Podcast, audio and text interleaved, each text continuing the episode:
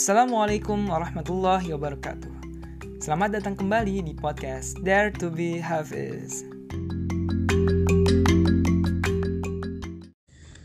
أعوذ بالله من الشيطان الرجيم يا أيها الذين آمنوا لا تلهكم أموالكم ولا أولادكم عن ذكر الله ومن يفعل ذلك فأولئك هم الخاسرون.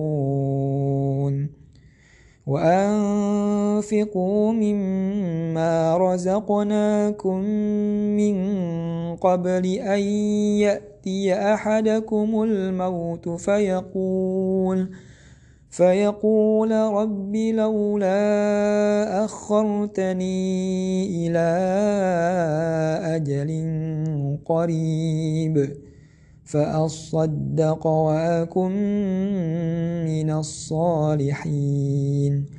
ولن يؤخر الله نفسا إذا جاء أجلها والله خبير بما تعملون Aku berlindung kepada Allah dari godaan syaitan yang terkutuk. Wahai orang-orang yang beriman, Janganlah harta bendamu dan anak-anakmu melalaikan kamu dari mengingat Allah. Dan barang siapa berbuat demikian, maka mereka itulah orang-orang yang rugi. Dan infakkanlah sebagian dari apa yang telah kami berikan kepadamu sebelum kematian datang kepadamu, sebelum datang ke, kemat, sebelum kematian datang kepada salah seorang di antara kamu.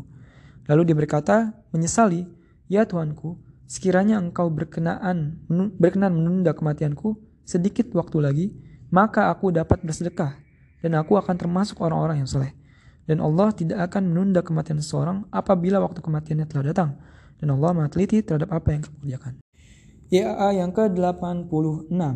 Quran Surat Al-Munafikun ayat yang 9 tapi tadi dibacain sampai ayat yang ke-11 Nah ini masih nyambung pembahasannya dengan ayat yang sebelumnya di Surat Al-Jumu'ah di mana pada ayat tersebut uh, itu dipertentangkan antara mencari rezeki harta dengan beribadah yaitu sholat Jumat konteksnya saat itu. Karena pada saat itu lebih banyak orang mukmin yang mendahulukan untuk mendatangi kafilah-kafilah dagang ketimbang mendengarkan khutbah Rasul pada saat khutbah Jumat. Jadi kan kayak wah masa sih lebih lebih menyenangi atau lebih mementingkan uh, perdagangan tersebut dibandingkan dengan mendengarkan khutbah atau ibadah saat itu. Nah, di sini disebutin lagi bahwasanya kita dilarang untuk um, lalai dari mengingat Allah dikarenakan harta benda dan anak-anak. Kalau di sini yang menjadi pelalai itu harta benda dan anak-anak. Itu yang dicamkan banget. Maka dengan begitu gimana akhirnya cara biar kita tuh nggak termasuk uh, orang-orang uh, yang terlalaikan dari mengingat Allah dengan harta benda dan anak-anak. Nah kalau di ayat yang di surat Al-Munafikun ini itu di bentakannya untuk bersedekah atau berinfak ya.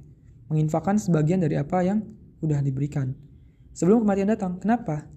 Karena ketika orang yang udah mati itu dia tuh kalau misalnya nih dikasih kesempatan untuk dibangkit kembali, hal yang dilakukan adalah bersedekah. Maka ya ini jadi poin penting juga di ayat yang ini, rangkaian ayat ini untuk melakukan sedekah. Nah kalau misalnya hari ini masih belum sedekah, ayo sedekah apalagi nih hari ini hari Jumat gitu kan itu karena kalau udah kematian datang itu nggak bakal bisa ditunda-tunda lagi.